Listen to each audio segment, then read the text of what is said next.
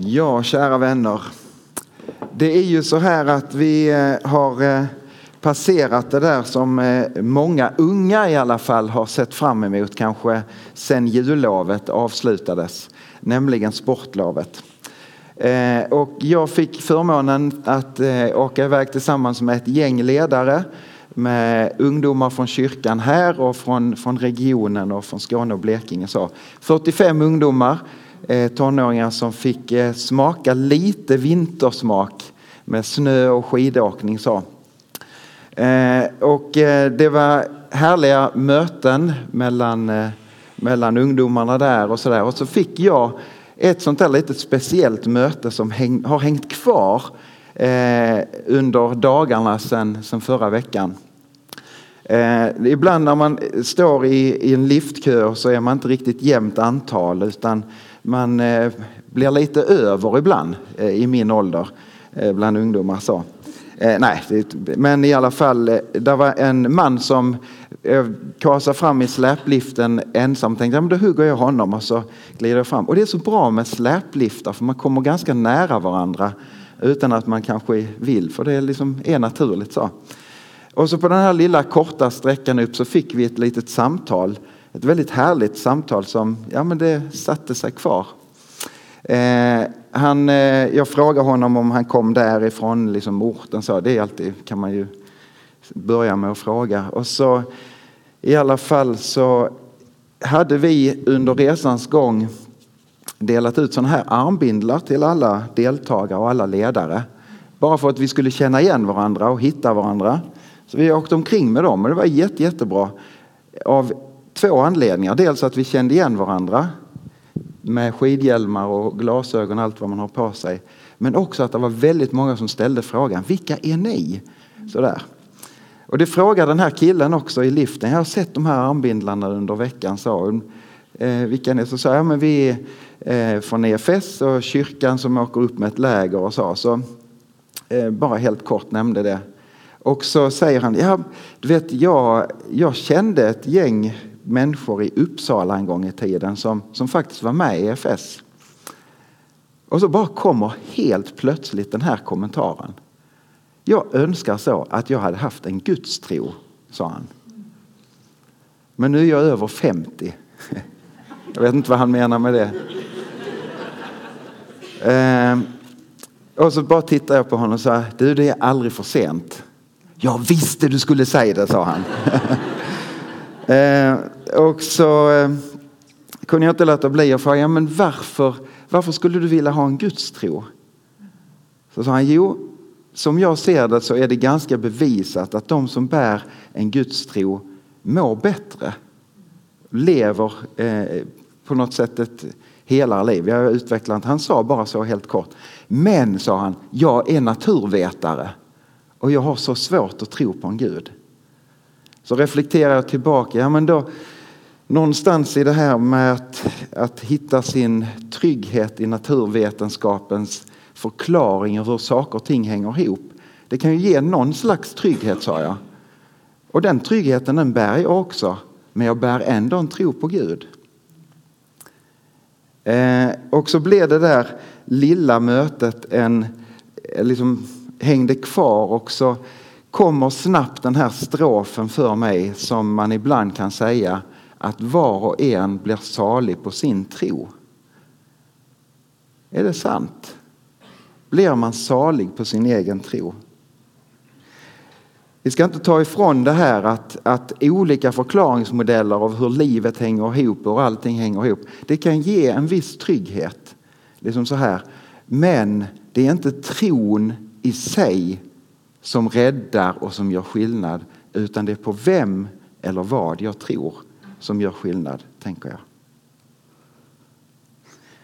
Och när vi nu är i det här temat, hugget i sten, är någon som så fint har hittat tavlorna från Sinai berg. De är värda jättemycket. Det är inte de äkta alltså, men de hade varit värda mycket. Men när vi närmar oss det här mötet som Mose fick stå på ett annat berg, inte på Åreskutan utan på Sinai berg Mose som hade fått kallelsen och fått mötet med Gud i den brinnande busken långt tidigare och fått uppdraget och kallelsen att gå och befria folket ifrån fångenskapen i Egypten. Led ut folket ifrån det som, som förslavar dem och led dem in i det landet som är utlovat till detta folket. Löftet som gavs redan till Abraham men som nu skulle på något sätt fullbordas igen. Och så går Mose tillbaka till Egypten för att vara med om en mäktig, mäktig händelser, eller mäktiga händelser när han befriar folket. Men så hamnar de i den här ökenvandringen. Eh, en tillvaro där, där eh, Gud får jobba med folket. Och när de har slått sitt läger nedanför Sina i berg så, så lämnar Mose lägret för att gå upp på berget för att möta Gud på nytt. Att få ta emot Guds tilltal. Och så får han höra Guds röst och det, det liksom riktigt skakar i berget och, och, alla där nere märker att här är, här är någonting att färda. Och så får Mose ta emot lagen ifrån Gud. Torah, det vi kallar de tio budorden eller budorden. De blir huggna i sten. Han bär ner dem till folket sen. Det har sina olika, vi behöver inte fördjupa oss i det, han får gå upp igen och hämta nya tavlor. Men, men i alla fall, det som Gud på något sätt lät huggas in i sten är någonting som Herren vill skriva, inte på stentavlor utan i våra hjärtan. Guds tilltalet in i våra hjärtan. Det talar profeterna om i Gamla testamentet och når på något sätt sin fullbordan när, när Gud låter sin ande utgjutas över allt kött. När vi nu som sagt närmar oss det här mötet och tilltalet så har vi några söndagar där vi ska stanna upp för de här olika buden eller de här olika orden. Och det första handlar om tro som vi ska få klura lite grann på tillsammans här idag. Jag skulle inledningsvis vilja läsa ifrån Andra Mosebok 20.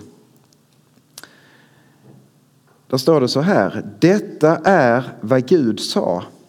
Jag är Herren din Gud som förde dig ut ur Egypten, ut ur slavlägret. Du ska inte ha andra gudar vid sidan av mig. Du ska inte göra dig någon bildstod eller avbild av någonting uppe i himlen eller nere på jorden eller i vattnet under jorden. Du ska inte tillbe dem eller tjäna dem, ty jag är Herren din Gud en svartsjuk eller en nitälskande Gud. På något sätt kan man nästan säga att det här första ordet som Gud talar som påminner om vem han är och vad han har gjort. Jag är Herren din Gud som förde dig ut ur Egypten och slavlägret. Det på något sätt sammanfattar hela lagen.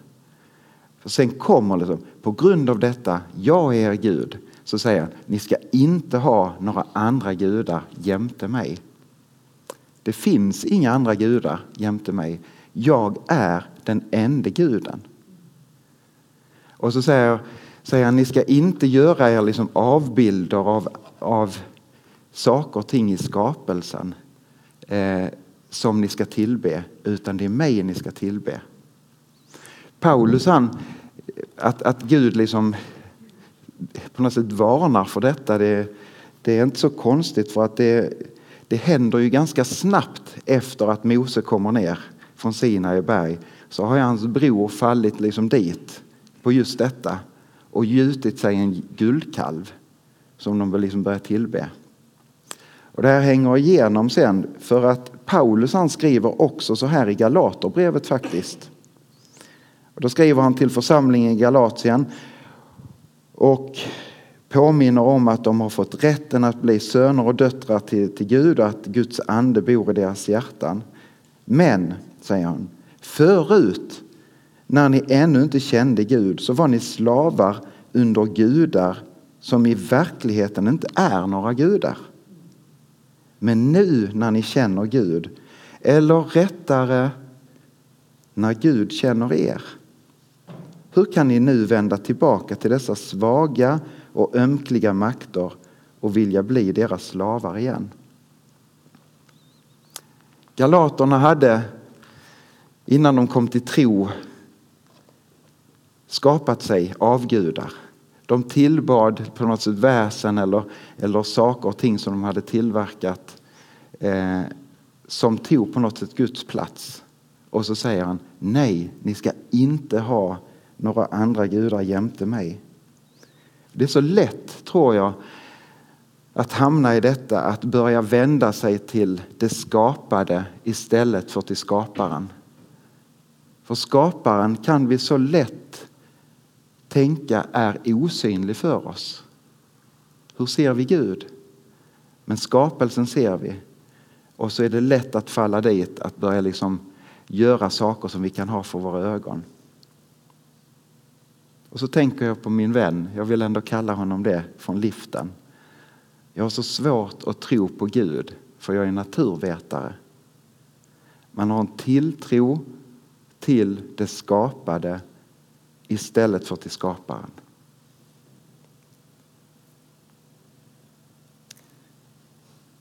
Det här kan leda oss in i vår trosbekännelses första del, den första trosartikeln. Vad är det vi uttrycker? Vad är det vi ber om att mitt hjärta ska stanna kvar vid? En tro som kyrkan har bekänt på något sätt genom alla tider. Som har formulerats väldigt, väldigt tidigt i kyrkans historia. Så proklamerar vi, vi tror på Gud Fader allsmäktig, himmelens och jordens skapare. Där finns ingen jämte honom. Han är den som har skapat och vi är det skapade. Låt oss ha liksom rätt perspektiv i förhållande till det.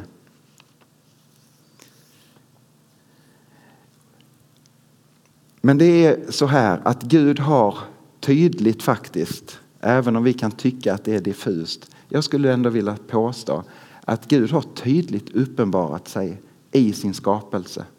Vi kan ana någonting av Guds storhet, av Guds skönhet, av Guds kreativitet, av, av alla goda ting vi kan säga om Gud kan vi faktiskt ana i skapelsen. Gud har inte riktigt tydligt ett ansikte där. Men han kommer att få det när han uppenbarar sig i sonen Jesus Kristus. Då får Gud ett ansikte för oss.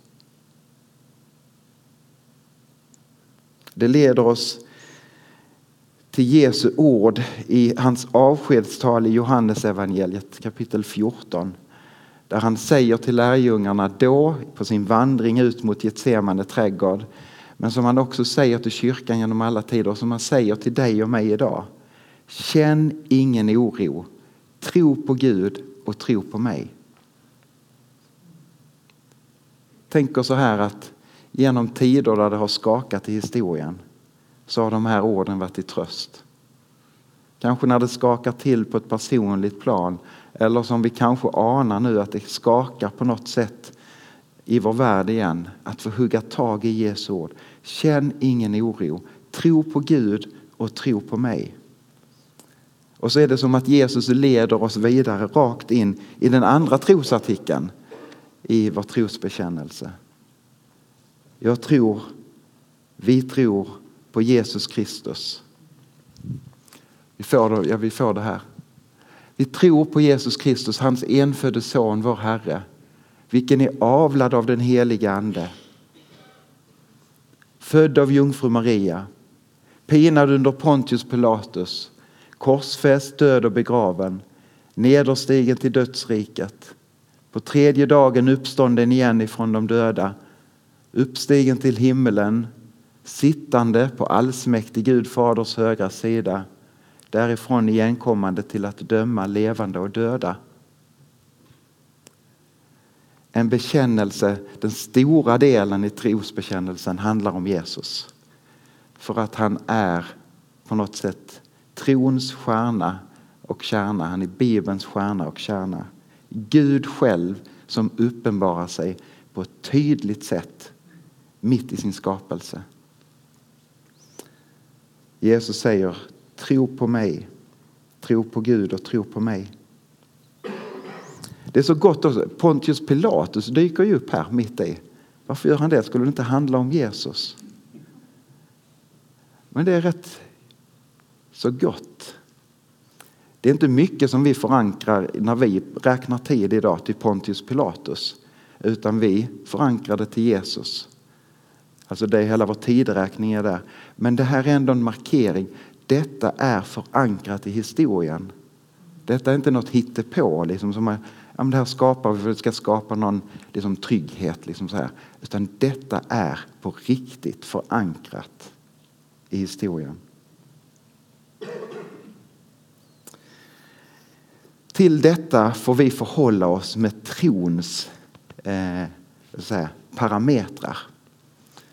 Det här lilla ordet tro, tre små bokstäver som kan vara så livsförvandlande men som också kan, kan betyda så väldigt mycket olika saker.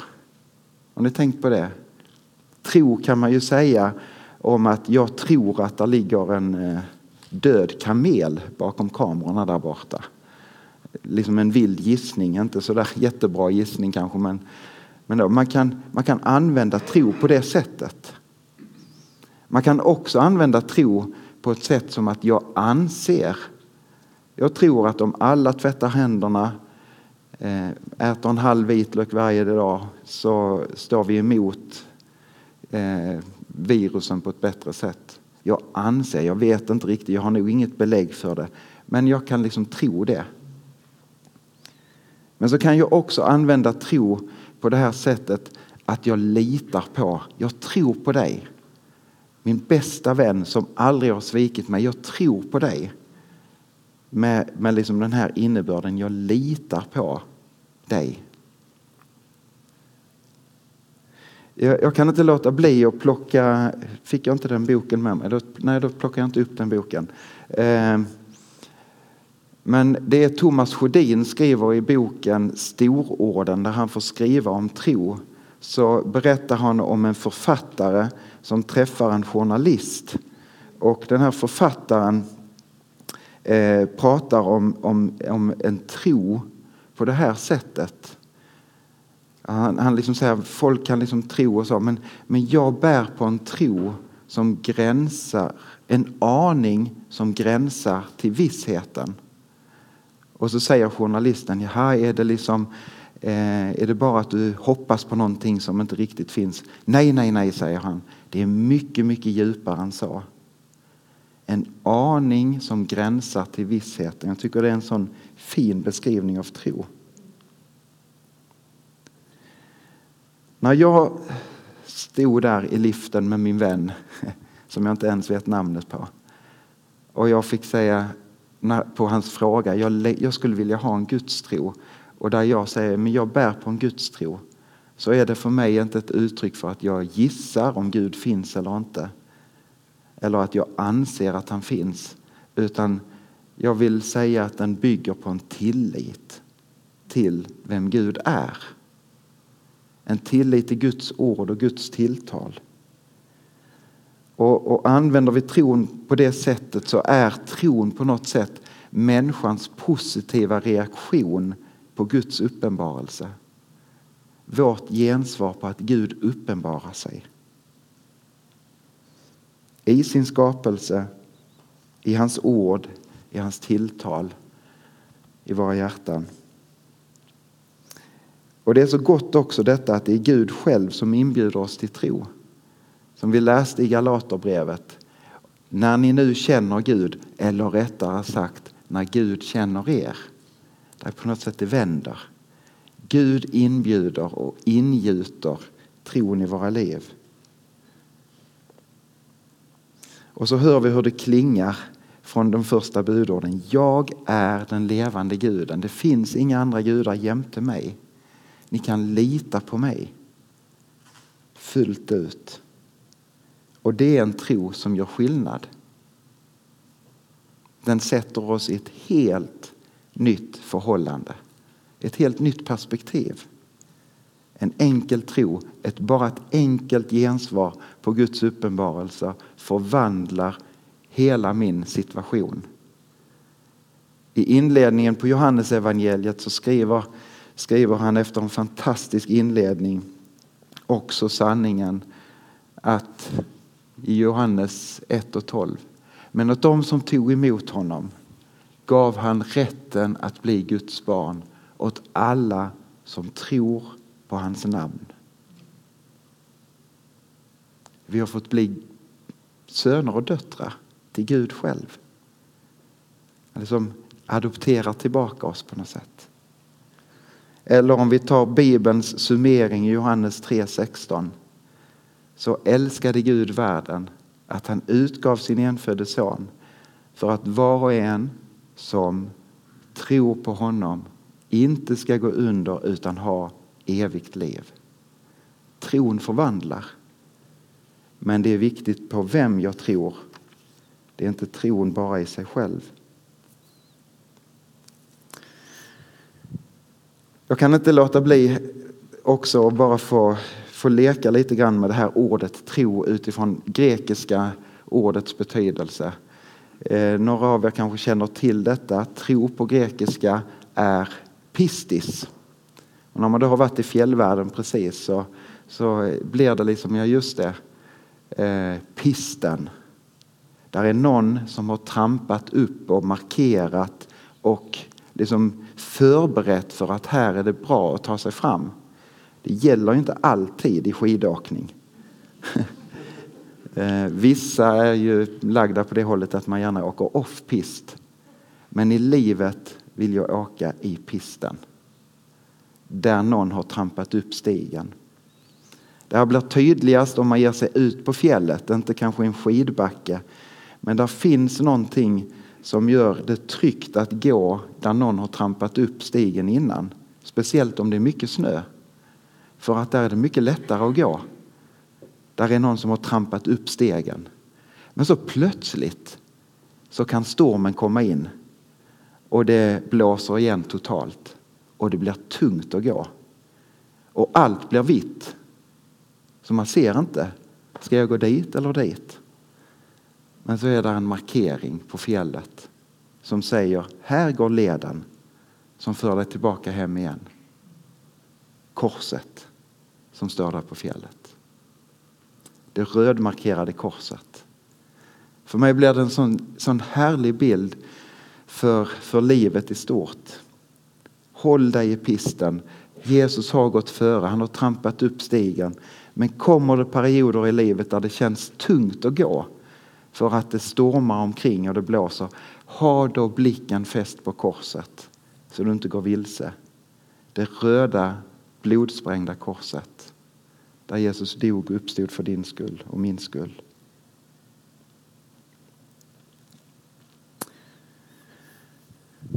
Får jag avsluta med att landa i ett kapitel som man inte kan hoppa förbi om man ska prata om tro. Eh, nämligen Hebreerbrevet 11. Hela det kapitlet, jag ska inte läsa det i sin helhet, men gör gärna det. Det är på något sätt en, en liksom uppradning av människor som har gått trons väg. Abraham dyker upp här, han som har kommit att kommer att kalla trons fader. Det inleds så här, detta kapitlet. Tron är grunden för det vi hoppas på. Den ger oss visshet om det vi inte kan se. För sin tro fick fäderna Guds vittnesbörd.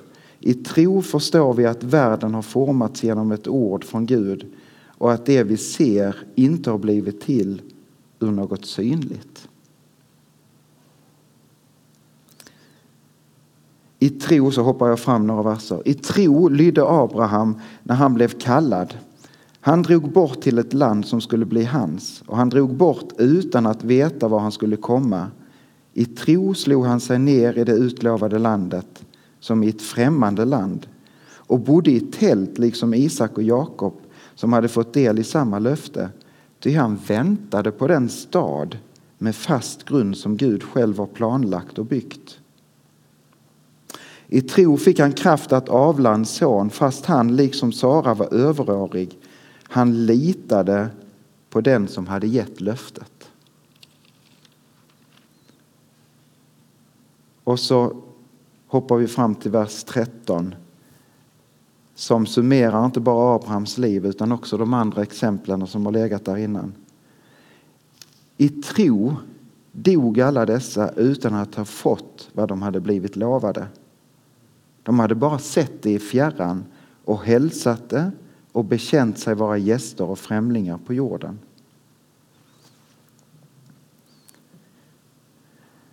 Och så fortsätter det vidare och talar om trons vittnesbörd och människor som, som bär tro.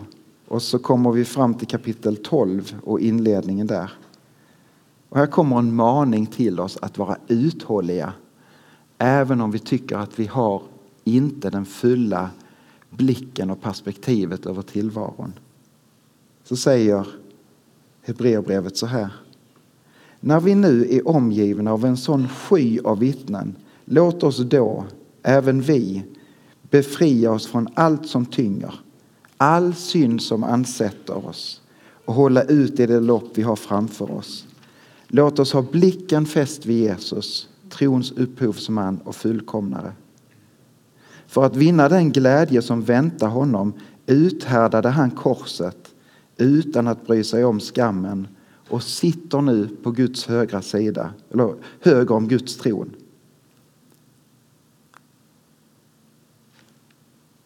Ha blicken fäst på Jesus. Ha blicken fäst på korset. Och detta kan också på något sätt leda oss till den tredje trosartikeln. Den sista delen av trosbekännelsen som bekänner sig till gemenskapen, till kyrkan som är proppfull av människor som bär på trons vittnesbörd. Som bekänner sig till att vi tror på syndernas förlåtelse.